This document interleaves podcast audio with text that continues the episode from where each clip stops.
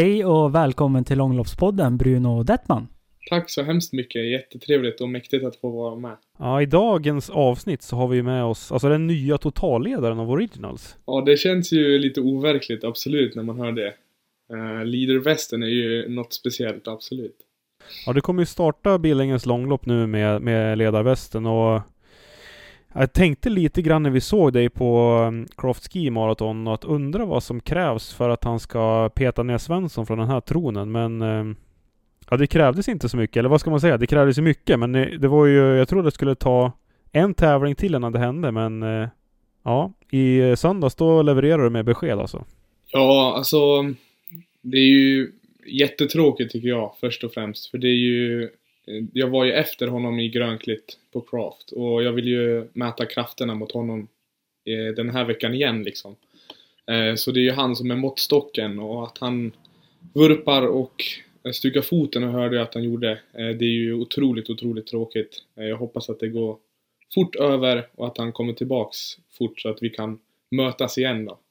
Ja, men det var ju en, alltså nu kanske vi hoppar in på loppet här lite tidigt, men det var ju en jäkla spurt du fick in på han i, i grönklätt också. Det var ju, det kändes som att det... Hade tajmingen varit lite bättre, lite så här inför upploppet, då hade det ju kunnat slaga han där alltså. Ja, jag har hört på flera håll, eller med folk jag känner eh, och har pratat med, att de har sagt att du trodde inte på det riktigt.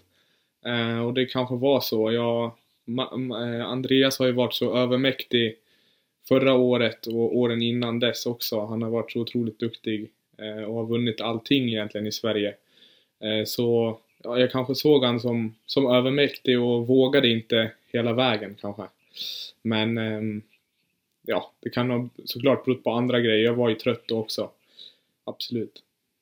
Ja, men ja, om vi är kvar på Craft. Du, du var ju uppe och tröck flera gånger och fick, han fick ju hänga i för att inte tappa på dig. Ja, visst, visst. Det var väl, kom väl nysnö på Craft också, så det var lite nackdel att ligga först. Nu var det tur att det var varvbana och att damerna var före. Um, men eh, ja, jag försökte ju utmana och ge honom en lite tuffare kamp. Uh, men han är ju stark och i ryggen hänger han ju med. Det är ingen fråga om saken så. Uh, så, ja. Han uh, vann i slutet då. Tyvärr för mig. Men det var fullt fullt rimligt och det förtjänar han. Eh, jag tänker, kan vi hoppa tillbaka? För, för det är ju... Du har ju åkt skidor ett bra tag. Men jag tror att det är många som kanske inte riktigt känner, känner till det eller vet vem du är. Skulle du kunna berätta lite grann om dig själv? Ja, eh, absolut. Bruno Dettman heter jag. 20 ehm, år, så jag är 03. Ehm, jag bor i Orsa, så jag tränar väldigt, väldigt mycket i Orsa Grönklitt och jobbar även där deltid. Jag är född i Tyskland faktiskt, men flyttade hit när, eh, när jag var fyra år. Så jag ja, men typ, typ bott här hela mitt liv. Eh, jag började åka skidor eh, när jag var kanske sju, åtta någon gång. Och så började jag hänga med pappa på hans pass. Och han var väl inte så duktig på att valla fäste så vi det blev mycket stakning eh, och han åkte ju Vasaloppet så då blev långlopp liksom en naturlig grej att satsa på. Eh, och sen kan man säga i, gymnasiet så började jag väl satsa på riktigt då. En heltidssatsning. Innan, innan dess var det lite olika idrotter som fotboll och jag sprang en del och så. Men eh, nu sen gymnasiet var det eh, skidor fullt ut. Okej, okay. men eh, jag har läst lite eh, tidigare här eh, om, eh, om dig och eh, det stod att du inte har gått skidgymnasiet. Nej, exakt, det stämmer. Ehm, jag kan man ju säga, jag missade ju intagningen till skidgymnasiet. Det var ju redan första december. Eh, och jag kollade ju som alla andra icke-skidåkare, eller sökte gymnasiet då, när var det? I april kanske? Eller någonting, så jag missade den totalt, den den intagningen. Och dessutom tror jag inte att jag hade kommit in för mitt enda resultat det var Vasaloppet 30 som det heter nu då. Eh, och då mm. hade jag liksom bara en tid att gå på. Eh, och det är väl inget resultat som skidgymnasier gillar att se direkt. Ja, det är ju lite speciellt med tanke på vilka bra resultat du gör nu, inte alls många år senare. Så kanske de gjorde en dålig deal då. Ja, nej men det tog ju fart lite grann där Eh, i gymnasiet och det kom några bättre resultat och då fick jag ändå frågan om jag inte jag ville börja eh, på gymnasiet. Jag hade ju en, en duktig tränare som, eh, som hade varit skidgymnasietränare åren innan på den här idrottsutbildningen. Jag gick ju ändå en, en idrottsutbildning där på gymnasiet som hette LIU. Och tränaren där eh, hjälpte mig en del. Han hade som sagt varit eh, tränare på skidgymnasiet förut och han hade ju koll. Och han hjälpte mig i min satsning och gav mig tips för att liksom, satsa på långlopp. Så, och så pratade skidgymnasietränaren med honom om jag inte var sugen ändå men det hade gått två år och jag var nöjd med hur det hade gått och så jag ville bibehålla så som det var liksom. Ja.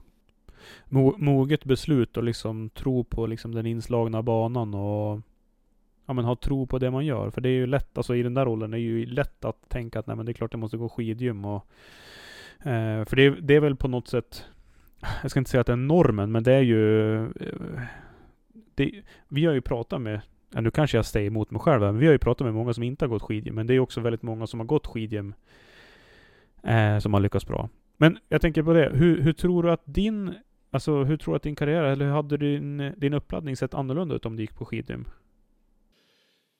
Ja, alltså absolut. Det hade ju varit svårt kanske att satsa långlopp på samma sätt som jag gjorde. Jag har ju aldrig heller varit med på liksom klubbträningar eller någonting sånt utan jag tränade bara med pappa hela tiden. Um, och jag tror om jag hade börjat på skidgymnasiet då hade ju den liksom traditionella skidåkningen varit mer eh, ja, i fokus. Um, men jag är, det fanns ju också Rickard Tynell var ju där som tränare så jag hade ju haft en perfekt möjlighet egentligen. Så det är kanske någonting man ångrar. Man hade ju kunnat haft honom som hjälp liksom. Eh, men eh, ja, i slutändan är jag jättenöjd att jag tog det steget jag gjorde och nu, nu börjar jag ju få lite tips från jätteduktiga åkare och tränare.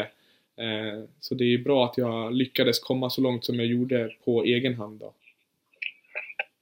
Men hur har du eh, gjort med, vi säger, eh, du har stakat mycket såklart, men diagonalåkning, skate och så, eh, kör du det ändå eller har du bara staka alla år? Ja, alltså det var ju mycket diagonal fortsatt när jag var eh, liten. Det var ju långlopp med fäste då som gällde. Eh, det var väl, pappa var väl rädd att jag skulle överbelasta armbågarna för tidigt om jag stakade även uppför.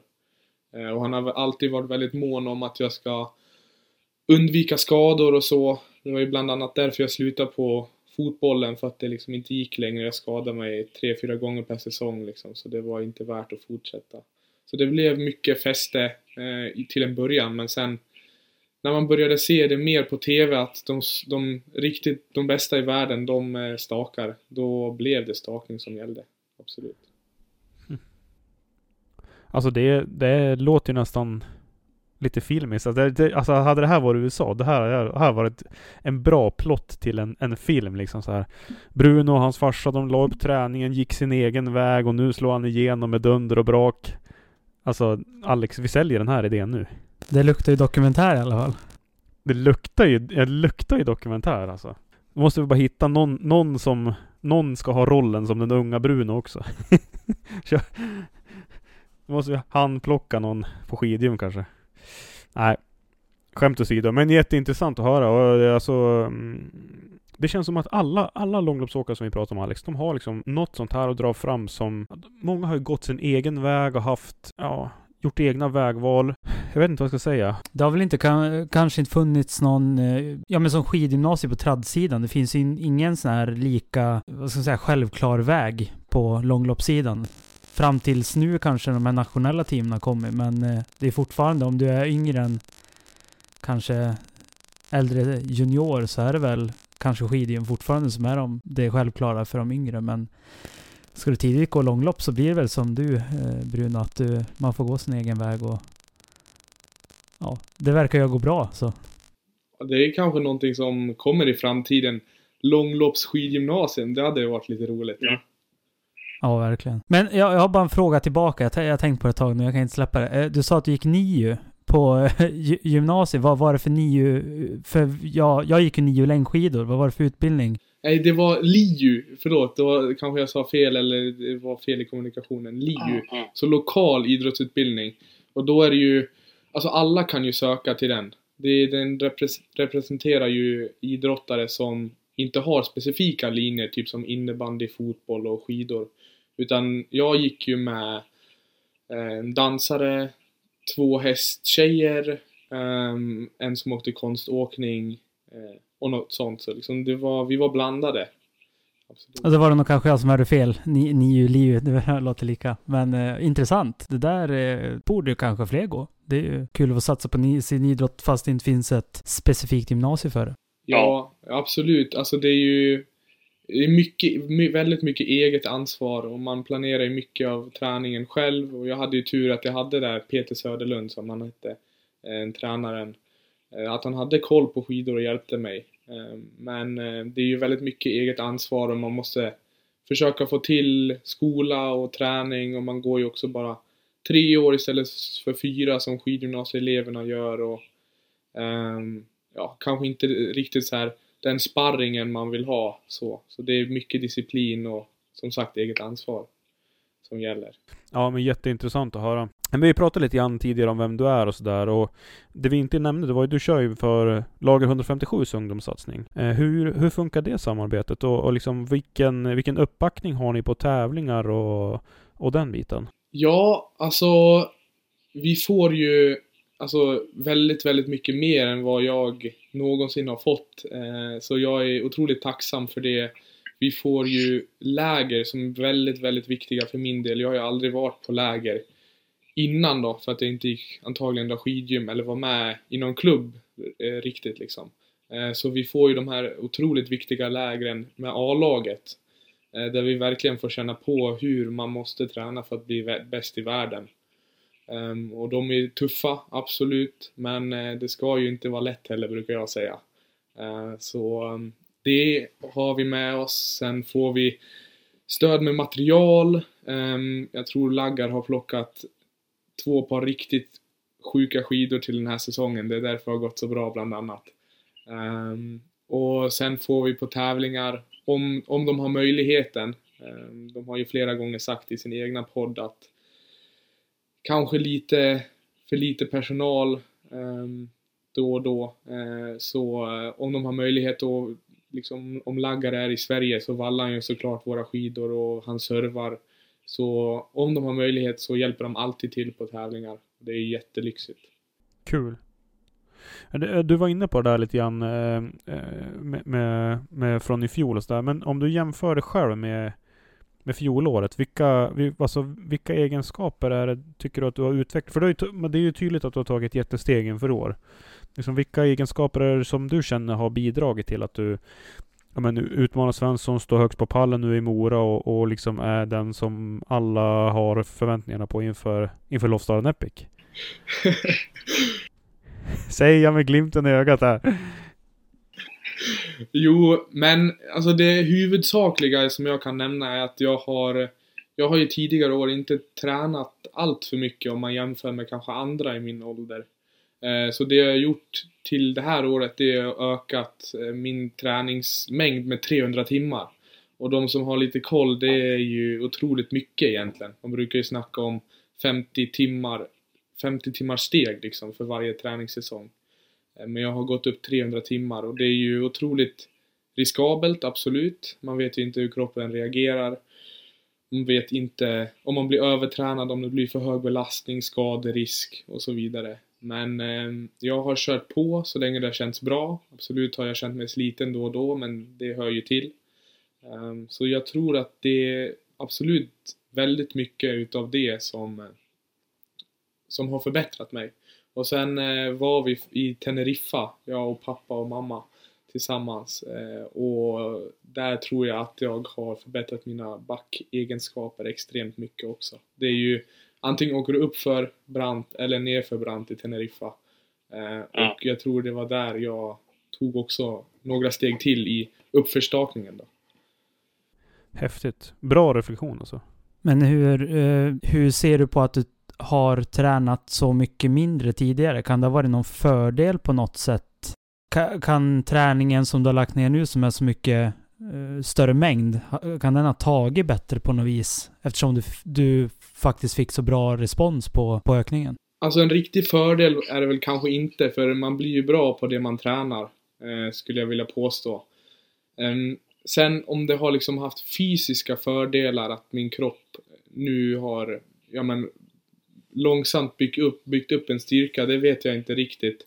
Jag tror att jag har haft det i mig ganska länge, att jag kan träna mer än vad jag gjorde, absolut. Men jag tror framförallt det mentala har spelat en stor roll. Att jag inte har tränat så otroligt mycket, kanske inte dedikerat hela mitt liv fullt ut på skidåkning utan an, även gjort andra grejer, varierat i idrotter um, och så vidare.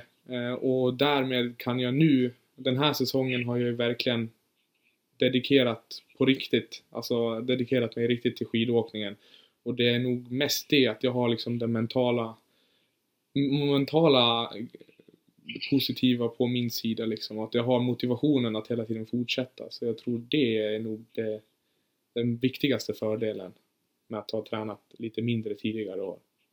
Wow. Alltså det är ju, det är ju inte, alltså 300 timmar, det är ju, vad blir det, sex timmar i veckan? Ungefär. Och det är ju alltså, det, vilket, det, jag blir ju alldeles, jag blir jätteimponerad av hur du resonerar. För det blir ju, alltså att du ändå har ett överskott att, eh, ja nu då till, till eh, tävlingarna. Det måste egentligen bli mer då under de här intensiva tävlings, träningsperioderna. Sjukt coolt. I'm Nick Friedman. I'm Lee Alec Murray. And I'm Leah President, and this is Crunchyroll Presents The Anime Effect. We are a new show breaking down the anime news, views, and shows you care about each and every week. I can't think of a better studio to bring something like this to life. And Yeah, I agree. We're covering all the classics. if I don't know a lot about Godzilla, which I do, but I'm trying to pretend that I don't right Hold now. it in, hold on. And our current faves. Luffy must have his due. Tune in every week for the latest anime updates and possibly a few debates. Oof. I remember, what was that? Say what you're gonna say, and I'll circle back. you can listen to Crunchyroll Presents The Anime Effect every Friday wherever you get your podcasts. And watch full video episodes on Crunchyroll or the Crunchyroll YouTube channel.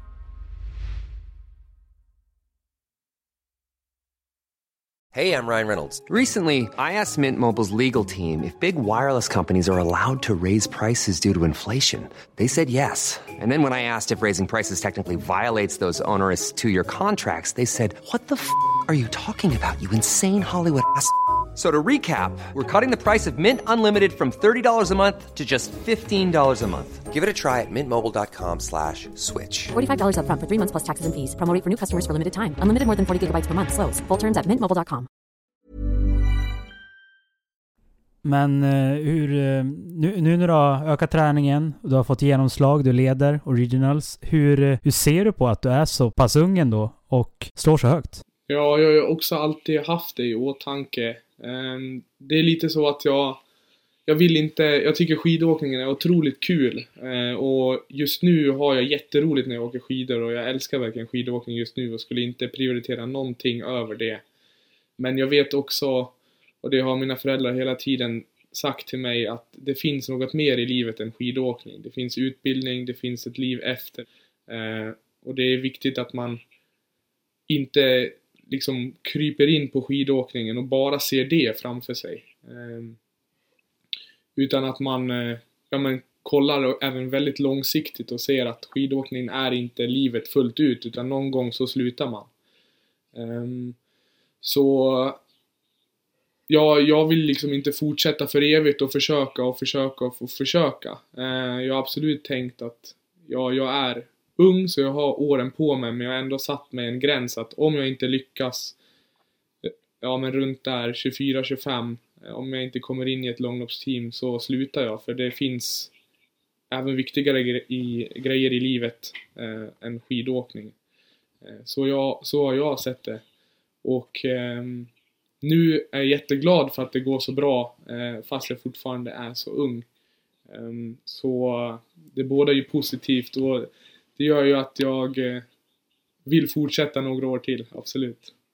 vilka, vilka planer du har. Alltså det, det tycker jag är starkt som bara den att vara, ha så tydliga mål och ändå gränser med skidåkningen. För vissa kan ju, om det är fel eller inte, det vet jag inte, men att man tragglar på till 35 liksom utan att det kanske tar sig riktigt. Och det har inverkan på hela livet. Får man, får, man, eh, får man ana att du tänker lite grann på Kalle Halvarsson när du säger 35 Alexander eller? För han känns, han känns ju planlös ibland alltså. Nej, jag, jag bara, men vad fan, Kalle har väl fan kört landslag och Alltså, det, De här... mästerskapsfinaler och grejer va? Eller? Det, In, ja men alltså inte för att hänga ut Kalle Halvarsson, men har han haft de här orden i sitt huvud? Nej, alltså jag tror Nej. han har ju, han har ju, lycka, han har ju lyckats liksom. Det har han. Så han, Ja. eh, nu, alltså han kanske inte lyckas lika bra som tidigare år, men han är ju fortfarande där uppe. Och eh, då ska man ju fortsätta. Han är ju bäste svensk oftast fortsatt. Eh, Så absolut ska han fortsätta. Eh, Så absolut inget mot Karl Halvarsson, nej. Nej, nej, nej men det, det var... Det lät som att han skulle sluta där när, ja. Så sen när gick det så bra på den här, var det mixstafetten de körde i Falun? När han körde med Jonna eller något sånt där va? Och så bara, nej men jag kör ett år till. Ja, men avslutar han inte något mästerskap hur bra som helst också? Eller typ, nej, eh, världscuperna efter ett senast, vad var senaste mästerskapet? Det var i... I Planitza nu. Var det det? Ja men det var ju typ så här världscupen efter när alla andra hade så här tappat sin toppning. Då fick ju han sin och körde, då var han väl på pallen och så, har jag för mig. Ah, ja. Eh, men du, du var inne på det där Bruno lite grann eh, om, om plan och sådär. Men, men eh, din långsiktiga plan, vad, vad, vad består den av? Det är eh, Ski Classics. Som eh, ja, säkert de flesta i den svenska långloppscupen och speciellt eh, de flesta av de unga liksom. Att vi blickar uppåt och vi blickar framåt och nästa steg det är Ski Classics, långloppsvärldscupen om man kan formulera det så. Jag vill vara uppe där och kriga om topplaceringar, åka för ett toppteam. Ehm, jag skulle inte ha något emot att vara hjälpryttare för jag jag har ju spelat fotboll så jag vet hur lagidrotter funkar och jag tycker det är otroligt mäktigt om man vinner tillsammans istället för, för, för enskilt också. Ehm, Så var med i ett toppteam och åka högt upp i Ski Classics.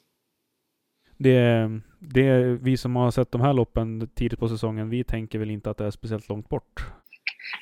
Ja, vi får se lite vad... Hur, det är ju bara början, eh, som du sa nyss, att det är i- början av säsongen. Det är ju mycket kvar och det är många stora lopp. Det är ju Vasaloppet som är ett absolut eh, jättestort mål eh, där man ska prestera eh, mot dem, dem i världscupen liksom. Där kan man visa upp sig på riktigt. Eh, Sverige är ju en liga under skulle jag vilja påstå. Eh, så där kan man inte alltid kolla hur det går. Eh, absolut, jag känner mig stark och jag hoppas att det kan funka väldigt snart att jag får åka Ski Classics. Men eh, ja, vi ska ju ungdomslaget satsa Sverigecupen eh, fortsatt. Så det är väl eh, planen. Eller åka i Sverige i alla fall. Det är väl det som är planen då. Vi är väldigt glada att ni är och satsar på nationella originals för det höjer ju nivån och det blir ju mycket mer spännande nu när Andreas får utmaning. För förra året var det ju tufft för konkurrenterna men eh, nu är det ju väldigt spännande. Ja. Det var Adrian som var närmast då. Ja, Men du, ska vi, ska vi hoppa in på Moraloppet lite grann? För vi, du var inne på det lite grann där. Och jag tänker, jag har ju en, en spaning som, eh, som jag faktiskt pratade, jag pratade med din mamma efter, efter Moraloppet. När vi stod och väntade på segerintervjun där. Eh, för att, ja men jag körde ju TV-skotern och eh, följde herrtäten. Och eh, det var ju en ganska stor skillnad när du var uppe och drog. Det gick ju undan då. Och det gick undan uppför. Ja, exakt. Vi hade ju egentligen på torsdagen innan loppet, när det inte var bestämt än att eh, Mora Hillclimb blev, eller att det blev inställt, då bestämde jag mig för att köra hårt. Jag eh, tror att jag fegade lite för mycket på craft och jag bestämde mig för att våga mer, att jag orkar dra mer. Ehm, och så skrev jag till Adrian och Adrian tyckte att det lät väldigt rimligt. Och jag skrev till Joel också, eran poddfavorit Joel Andersson. Ja. Eh, och eh, han drog ju också väldigt mycket på craft. Eh, så jag skrev till honom också, han var extremt eh, på att liksom köra hårt från start. Det jag tycker är så fascinerande med Joel är att även om han släpper och sen kanske går det lugnare i täten så går han ändå upp och drar igen. Um, så jag visste att Joel är ett säkert kort om vi vill ha hög fart och draghjälp. Uh, och det var jätteroligt att han var på. Så det var väl planen. Uh, och så körde vi hårt från start. Um, och vi turades om i början. Sen eh, kanske jag drog lite för hårt emellanåt. Eh, och Joel blev också trött tyvärr och Adrian hade ingen superdag heller. Eh, så det blev mycket mig, absolut. Men eh, det var jättekul att Joel fortsatt ville hjälpa till fast han var trött. Eh, så eloge till honom. Nej men det, det gick ju undan alltså. Det gick ju undan från start. Det var ju kanske ett lugnt parti på en tio minuter som det gick lite lugnt. Annars var det ju full fart från, ja, från start till mål alltså. Och, och ändå en, en väsentlig eh, fartökning när du gick upp, eh, kände jag. Ja, det är, det är kul att höra och det ger absolut självförtroende. Eh, det gör det. Eh, så tack för det.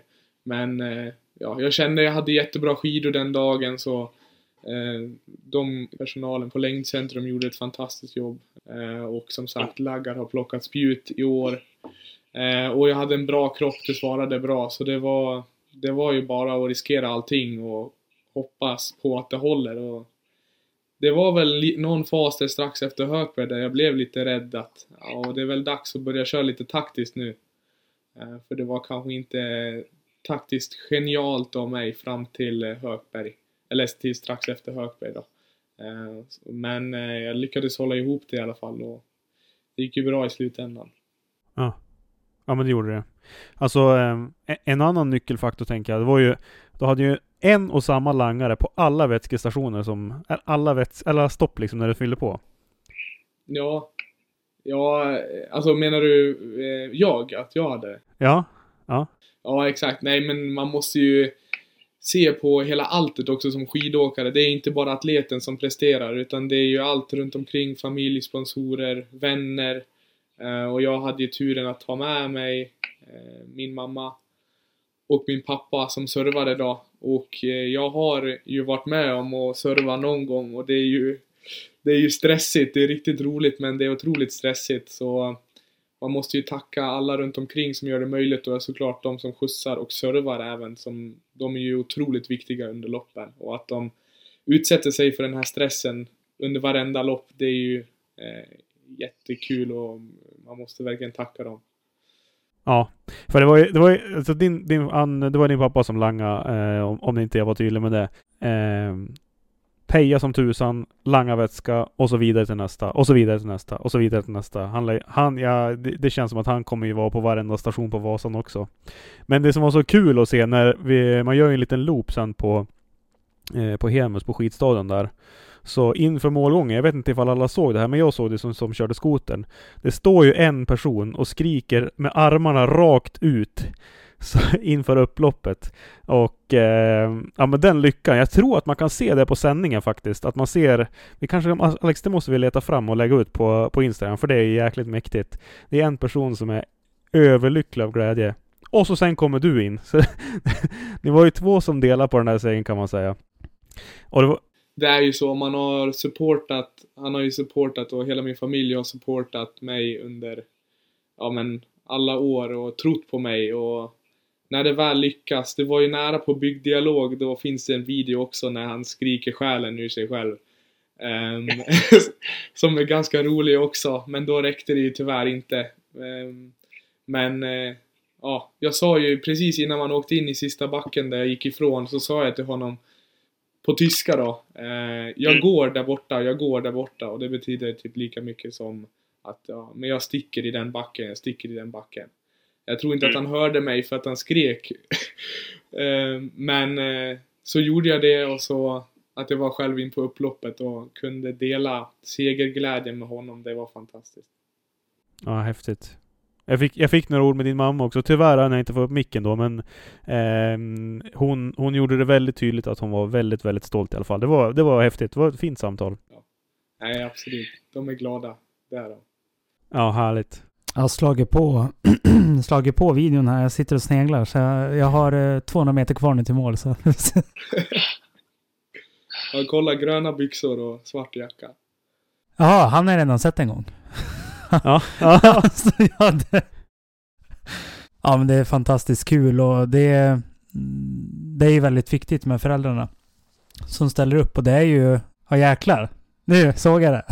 ja det måste vi upp Ja, alltså. nej men det, ja, ja men det fixar vi. Eh, Det, är- ja men det, det är ju det är ju fan lika spännande att stå bredvid som att åka loppet. Det är nästan så Ja. att jag tycker det är jobbigare att ska langa någon än att stå på starten själv. För då är det någon annan som, ja, förlitar sig på en. Så det, Ja, det var ju förra året när jag opererade knät så blev det ju mycket servande också.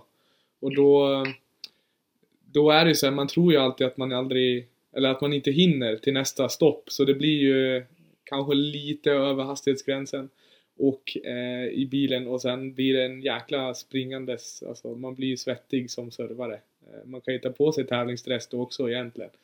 Eh, men det är kul, det är det. Mm. mm. Ja, det blir ju stressigt på Vasan. Det är lite mer bilar då. Så då fan, ta någon skoter kanske. Det kanske är enklare. Ja, ja men det var tight alltså. Det var ju det var ju för många spår och så var det ju så löst utanför. Så den andra skoten fastnade ju faktiskt i lösnön. och jag var ju av eh, eh, var ju av en gång också men kom, kom tillbaka och så var det mycket folk ute i banan. Det var lite småstökigt faktiskt och det ser man nog inte på bilderna men det var, det var inte så lätt alltid. Eh, alltså en annan sak som jag noterar eh, som jag bara måste, vi må, bara måste prata om det här. Eh, Leo Svan, han kör för Ramuddens eh, Sverigelag va? På Craft Ski Marathon, det måste ju ha hänt någonting då. Eller så hade han bara en jättedålig dag. Han var ju alltså plats 55 på Craft. Och glider in på en nionde plats eh, på Moraloppet. Sjukt imponerande alltså. Hatten av. Ja, alltså han är ju en stark konkurrent och ja, jag tror jag och Ossian testade lite skidor dagen innan Craft och vi pratade med honom och han eh, verkade inte känna sig så bra eh, redan då. Så jag antar att han hade en dålig dag helt enkelt. Eh, och det kan ju variera otroligt mycket så i tävlingar så man har ju tur om man prickar dagen rätt. Eh, Och sen vet jag, det kan ju vara skidor också att de gick dåligt. Det var ju ett överraskande före på Craft också att det började snöa från ingenstans. Ehm, så det Ja. kan ju ha varit skidor också, men det är jättekul att han är där uppe och det är därför Ramudden ville börja. Så att de ut, så att vi kan köra liksom teamkörning och utmana varandra. Det är jättekul. Ja, verkligen. Men du, du, du var egentligen ganska ensam eh, om, om vi ska gå till teamen då. Du var ju ganska ensam i, i klungan. Du hade ju Adrian med dig ett tag va? Eh, men sen vet jag, Ossian körde han. Nej, Ossian stod över den här tävlingen. Han har inte heller känt sig så bra eh, på de flesta tävlingar den här säsongen. Så han eh, klurar ut felet egentligen och det är Mm. bättre då att träna och känna på kroppen istället för att tävla liksom. Så det är det hans plan är. Så jag hoppas också att han kommer tillbaks väldigt snart. För det är ju roligt att köra tillsammans med grabbarna. Ja. Mm. Sen hade vi Vurpa på Svensson som vi sa. Men, men en annan som tryckte på lite grann där på slutet var ju Konrad Mattsson Myhr uppför. Han fick ju till och med lite en och två meters luckor när han drog där på slutet och för backarna. Men eh, ja, det räckte inte heller hela vägen. Och Eh, jag pratade med Joel lite grann. Han fångade han i farten när han var på väg ut ur Moa, Mora. Och han kände sig också liksom... Ja, han saknar den där speeden på, på slutet för att kunna kriga om pallplatserna. Eh, var lite synd. Jag tycker han, han gjorde det jäkligt bra. Så han var uppe och drog väldigt mycket och precis som du sa Bruno, han... Även fast det går sakta, han krigar sig fram och... Ja. ja vi får hoppas på bättring där. Ja, alltså jag hoppas, jag tycker också att Joel förtjänar det. Alltså, han, eh, han bryr sig inte om att köra något taktiskt heller och han, han kör bara på för att han vill få ett snabbt och, och bra lopp. Eh, så om det är någon som förtjänar en pallplats eller en vinst så är det Joel Andersson. Så enkelt är det. Och sen att Konrad drar mycket också och det är jättekul att se så han förtjänar det också lika mycket. Och Marcus Hallén Johansson drog också en del på slutet. Eh, och det är ju för sådana grabbar man ska dra hatten och ehm, det är ju de som förtjänar eh, höga placeringar kan jag tycka. Ja. Marcus, Malén, Mm. Marcus Hallén eh, var ju tia i Craft och så sen gled han in på en fjärde plats på, på Moralopp. Alltså han låg ju tvåa där väldigt länge, Marcus. Han låg ju precis bakom dig och så sen tappade han lite grann där. Ja, exakt. Han, det var väl han som jagade mig främst eh, när jag gick ifrån i sista backen och man ser det väl på sändningen också att jag kanske kollar bak någon gång för mycket istället för att bara koncentrera mig på att åka fort. Ehm, men jag såg honom där i, i ögonvrån hela tiden när jag kollade bak eh, och jag var lite rädd men eh, det höll tack och lov och han tröttnade också. Inte bara jag. Ja. Men när ni, jag tänker på det här att ni sätter upp eh, högt tempo på loppen och vill köra hela vägen. För det här tror jag vi pratade med Andreas Svensson om tidigare att är tanken också att inte loppen ska gå sakta för att det ska bli bra träning och inför som eh, vi har hört att Ski Classics att det är så högt tempo hela vägen? Är det... Ja, ja absolut. Det, det säger du helt rätt. Det har du helt rätt i. Det var ju Alltså egentligen var det ju individuellt planerat där på torsdagen men sen på lördagen så fick jag reda på att Anton Jernberg hade sagt det i, i en podd att han tycker det gick för långsamt på craft och för att vi ska vänja oss, som du säger, vid Ski Classics och den höga farten eh, då måste vi ta det så, vi måste vänja oss vid hårda lopp och köra fort från start. Eh, så det var väl också en, en liten motivation till att utföra just det vi hade planerat. Ja. Mm. Sen känns det som att ja, man måste ju, ja men visst, kör fort. Men det, alltså jag tycker ni gjorde det ju helt rätt ändå. Alltså man måste ju lägga upp loppet efter, utifrån de förutsättningar som finns för att vinna det. Eh, också, alltså tänker jag också. Så att... Axel Svan sa ju också under loppet någon gång att eh, eh, ja, det är kanske bättre att visa upp sig och sen komma femma, sexa eh, istället för att ligga bak och sen kanske åka för en bra placering. Och det kan jag tycka att han har, ja men han har kanske rätt i det att det bättre att visa upp sig och visa vad man går för och sen kanske att det inte räcker hela vägen men då har man bevisat att man, man kan och man vill. Um, så ja, och sen är det ju så, det beror ju på förutsättningarna om det snöar som det också gjorde på Moraloppet. Nu har vi ju haft otur med snö. Um, då, då blir det ju svårt och man måste ju tänka taktiskt också, absolut. Vi vill ju ha bra placeringar också såklart. Så man får ju anpassa sig, så är det. Ja. Mm. Men eh, ska vi hoppa över på, på damernas eh, insats? För det var ju en, eh, alltså där är ju, eh, verkar ju Anja vara ostoppbar nästan. Li, li, nej men, eh, lite annan konkurrens nu i, i Mora, men eh, Ja jäklar vad hon är stark. Både liksom i dragjobbet i, i, under hela tävlingen men också på upploppet liksom när det, när det väl gäller. Så äh, hon känns ju ruskigt stark alltså. Ja, hon har ju, vi har ju sett på lägren i, sommar, i sommar att hon har tagit extremt stora kliv. Och eh, hon är också en dedikerad skidåkare och eh, de träningspassen hon lägger ut på Strava, de är helt sjuka. Det är 100 km pass tur och retur på vägen mot, eh, tror det är Malung eller någonting. Liksom en stor bilväg och bara tråkig terräng. Men hon, hon, eh, hon köttar på och kör de passen eftersom de, ja, de behövs väl. För att man ska lyckas och hon är extremt stark mentalt och det är jätteroligt också att se henne lyckas också. Jag var väldigt lycklig när jag såg henne vinna i, i mål och vi kramades och nej, det var trevligt. Ja, kul. Ja, men verkligen. Alltså hon, eh, ja, hon leder ju, eh, har en ganska tydlig ledning i totalställningen, 200 poäng före Maja Stefansson som är, är tvåa. Eh, ja, äh, hon, jag tror hon blir giftig alltså. Ja, hon, hon sneglar väl också på Ski Classic tror jag. Eh, sen tyckte jag på damloppet så var det ju, det var ju tre tjejer, Ida Palmberg och Caroline Ness hette hon väl och sen Anja som eh, höll bra ihop och jag tyckte de var ganska så lika Eh, I början i alla fall, tills Anja drog ifrån, ifrån på slutet. Sen har jag pratat med henne och hon har väl sagt det också att hon strax inför Hökberg när hon släppte lucka då så, så hade hon en hjärtrusning. Ja. Exakt.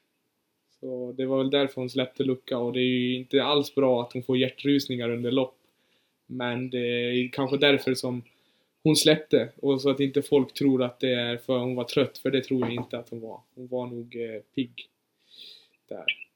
Ja, men alltså är inte det lite farligt? Alltså, eller, eller är det bara ett symptom av något? Nej, jag har också hört att eh, man måste absolut behandla det. Det är jätteviktigt och det sliter ju på hjärtat om det ligger i 235-6 minuter. ehm, extremt mycket. Så jag tror också att det är farligt. Jag hoppas att hon skärper till sig och låter det behandlas. Jag har pratat med henne om det och jag hade inte vågat att fortsätta köra tills det är bra. Nej, det där kan bli otäckt alltså. Eh, det, det känns inte alls något kul. Men eh, ja, hoppas att det var... Nej. Det är många skidåkare som har haft det. Ja, jag har kompisar som har det bland annat. Så det, fast de har lagt av så länge så hänger det kvar. Va, vad var det Brink fick i Val där 2013? Nej, vad var det? 27? När han... Jag vet inte, men då tog det ju tvärnit. Ja. Men han... Lite samma kanske, var det inte? Det kan det nog vara. Ja. Nej, det där är, det där är inte alls något roligt. Jag hoppas att eh, det bara var något temporärt eller någonting som, som är lätt behandlat. Eh, inte alls kul att höra. Nej, ja, man ska ta hand om hjärtat. Det är viktigt. Det, det har du rätt i Alex. Eh, det som jag tycker är tråkigt med damerna, det är att det är... Eller tråkigt, jag ska inte säga att det är tråkigt. Men det är, det är synd att det inte är... Att startfältet inte är större. Alltså, det spelar ingen roll att vi inte har någon, någon topp. eh, Det kommer om man bara har bredd. Men startfältet är ju lite tunt. Eh, det känns som att där, där har vi lite grann att jobba på. Ja, absolut. Och Ramudden har ju verkligen försökt den här säsongen med, det var de fyra stycken damer. Och det är jätte, jättekul att se. Och man såg ju att det blev mer konkurrens, men det tråkiga är ju att det också skiljer så pass mycket mellan åkarna. Att visst, det blir en större bredd när de kommer in med åkarna, men sen i slutändan ser man ändå att bara tre åker iväg och inte en stor klunga. Eh, men det är väl samma i Ski Classics egentligen. Eh, Så det behövs fler damer både i Sverige och internationellt. Ja. Alltså det... Grunden kanske byggs här på Originals. Nationellt innan den kommer till världskuppen som du kallar den. Jag tycker vi säger det nu bara för att ta den från tradsidan. Eh, Jag håller med. Men alltså det är ju typ 150 anmälda damer till, eh, till Moraloppet. Så det är, det är ju bra. Ja, det är ju väldigt, väldigt bra siffror måste man säga. Eh, Det är ju kul. Jätteroligt att det, det ser ju ut att växa också. Det har man ju hört också på statistiker och så, att det växer och det är ju exakt så det ska vara. Ja. ja, det kan väl ta tid, men eh, ja, det är ju bättre startfält bara mellan tävlingarna. Mellan Craft och Mora så var, vart det ju bättre. Och det gäller ju att alla kommer till start och kan hända mycket under en säsong. Så Ja. kan ju bli tajtare. Och så är det ju även det här valla, kanske, kanske inte ska säga problematiken, men det är väldigt utslagsgivande nu med, med vallningen eftersom Flore försvann. Så det kan ju sätta stopp för vissa och göra att det blir längre avstånd. Ja. Ja men det gäller och jag, jag tänker att det, det gäller att bygga bredd så att vi kan få Alltså få den där toppen också. Eh, det kommer. Eh, för det hade ju varit jäkligt kul om vi hade en sån här intensiv kamp. Eh, ja, men som vi hade i fjol. Adrian, Andreas. Eh, året innan var det Andreas, Joel. Eh, så att vi får de där fighterna så att det är jämnt in på sista. Det är ju skitkul att se och det bygger ju spänning och ja men någonting för oss att prata om och liksom Ja men hela den biten. Ja, ja, absolut. Det är ju det är något man vill se, liksom klungkörning på damsidan. Och inte bara utbrytningar, utbrytningar, utbrytningar. Eh, Men det är som du säger, det kommer. Det kommer. Eh, Förhoppningsvis. Ja. Alltså innan vi går in på, alltså nu, vi, vi pratade lite grann om, om topp och sådär. Det var ju um, Idrottsgalan i, i, igår var det va? Eh, skitkul tycker jag att Johannes Lukas eh, tog hem årets ledare. Han är ju en, en eh, ja, jag blir otroligt inspirerad av han. Eh, men en sak som, som andra poddar har pratat om, och men vi, vi, vi bara, jag bara måste ta upp det här nu. Borde inte Emil ha varit nominerad åtminstone? Var han inbjuden ens eller? Jag vet inte. Nej, det är helt sjukt kan jag också hålla med om. Alltså det är ju... Han har ju varit alltså Sveriges främsta skidåkare egentligen. Och han borde ju få mest uppmärksamhet av, eh, av alla skidåkare på här sidan tycker jag. För att han har gjort ett monsterjobb. Alltså den dominansen han hade förra säsongen, den var ju helt, helt sjuk. Uh, nej, så det, jag, jag håller med. Det är tråkigt. Alltså att han inte var där. Och, ja, om han ens var inbjuden liksom. Nu, nu, jag ser på Alex att han googlar för fullt här, men han, han var ju, visst var det i fjol vi pratade om att han inte ens var inbjuden? men han, alltså han, har ju, han vinner ju precis allt som man kan vinna. Förutom några deltävlingar, eh, vad är det, Gisärska och så sen är det de här sista i Norge liksom. Men det är ju, den där bedriften kommer ju aldrig upprepas. Eller det kommer ta väldigt, väldigt lång tid. Man hade kunnat sätta in han på eh, fan bragdguldet, Jerringpriset, årets prestation. Det är mycket. Mm, Årets manliga idrottare såklart. Mm. Men det här har vi pratat om med någon. Jag tror det varit med Max. Sitter inte fruktansvärt många längdåkare i den där kommittén? Vet inte. Som... Är det bara till Jerringpriset de lägger nomineringar eller är det till hela galan? Jag, jag kommer inte ihåg, men jag tror Ojala sitter med. och, Eh, det är någon mer då? Ja, men eh, då tänker man att de har ju ändå koll på skid, skidor, vare sig det är långlopp eller tradd. Ja. Kan det bero på att det inte finns något världsmästerskap i långlopp liksom? Kanske lite. Ja, men det är ju alltså... Är inte Ski Classics världscupen i långlopp då? Jo men världscup, men tänk om du skulle ha en, liksom en... Nu är det VM i långlopp. Det är en tävling vart fjärde år, eller så här vartannat år, jag vet inte. Nej, jag, jag, Lägg en platt fem mil på VM då så ska vi se vilka som vinner den. ja men det, det är ju... Eller det behöver inte vara platt, men planare. Det är ju FIS och det kommer ju vara teknikzoner där. Men vi har väl sett att folk kan, kan saxa med utan fäste nu. Ja, nu ska inte jag provocera dig Alexander, jag ser att du håller på att koka upp här. Eh, Nej, men jag håller på att leta upp vilka som sitter i juryn. Nu sitter ni i juryn Ska så vi- får ni det hetta om öronen nu kan jag lova. Ja, men vi ska bara Ja, outa på dem. krigsstigen. Vi vet vilka det är. Nej, ja, eller jo, eller ja, men alltså det, det är ju så pass att jag liksom... Det är såklart man ska kolla på Idrottsgalan, men eh, jag, jo, ja, det gjorde väl inte det då, kanske. Eh, Nej. Det är ju dåligt av mig, för det är ändå kul med Idrottsgalan, men eh, det här är ju sporten jag följer mest av allt. typ den enda också, så det... Kan, det kan också göra dig här, lite färgad. nu, nu, nu har jag, nu har jag juryn här. Ja. Eh, nu ska vi se. Johanna Ojala är med. Eh, Vacki är med. Från en av våra, vad ska man säga, kompispoddar. Eh, ja, det är väl de jag ser på rak arm är Två längdåkare. Örstig, är inte det också? Jo, jo. Ja, jo, då är det tre. Emil Örstig. Ja, ni, ni får, det var jättelätt att söka upp. Jag ska inte nämna alla här i podden, men eh, ni kan ju kolla om det är någon annan som är intresserad. Eh, så, Inte bitter. ja. Hörni, vi ska, vi ska snart runda av. Vi har ju tre frågor som vi brukar avsluta varje podd med. Ehm, och den första frågan eh, av de tre, det är då, vad äter du helst efter en tävling eller ett riktigt hårt träningspass? Alltså när det är så här, alla depåer är slut och du bara måste ha i dig någonting. Eh, vad äter du helst då? Då skulle jag säga att det är en djupfryst pizza. Det tycker jag är fantastiskt gott. De här från Dr. Oetker Rustica. Kebabpizzan eller eh, någonting, den andra som har fyra ostar på sig. Den är, den är helt sjuk alltså. Ah, finns det någon anledning till att det är just djupfryst?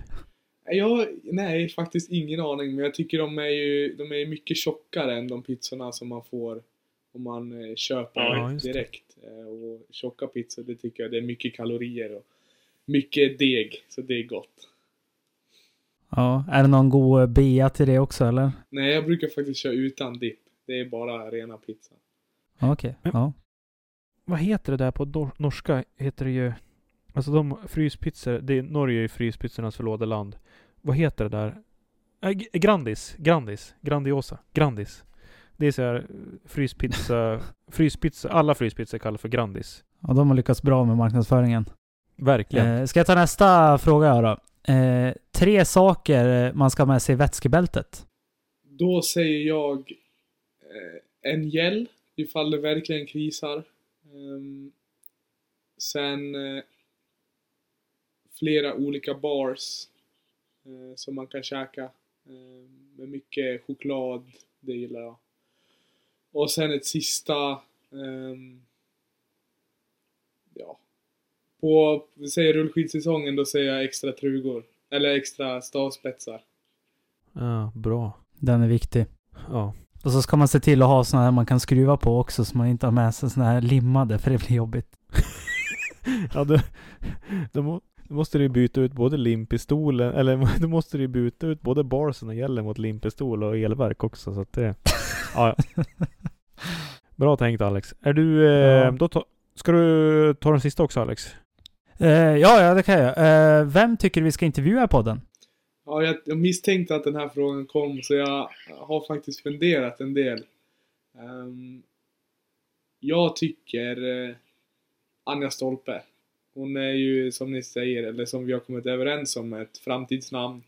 Hon är otroligt duktig på det hon gör. Hon är en stenhård tjej eh, som verkligen är intressant.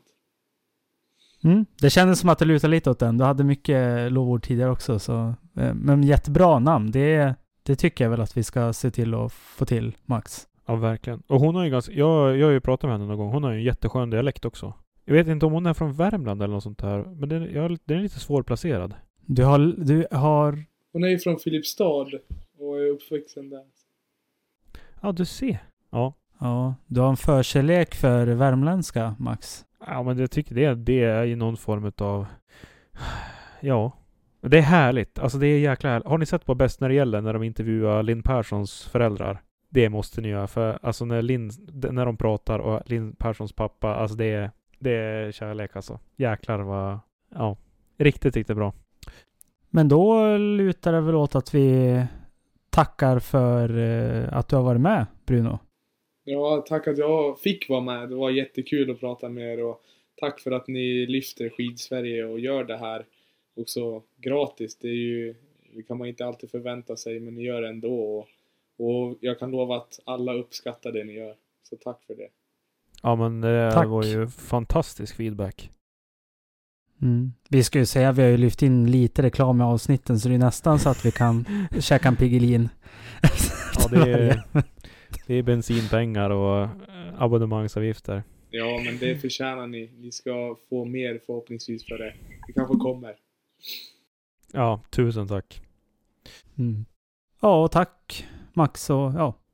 Så hörs Ska vi lägga något outro eller? Eller får det där, ska det där bli outrot eller? Ja, det kanske bara kan klippa av där någonstans.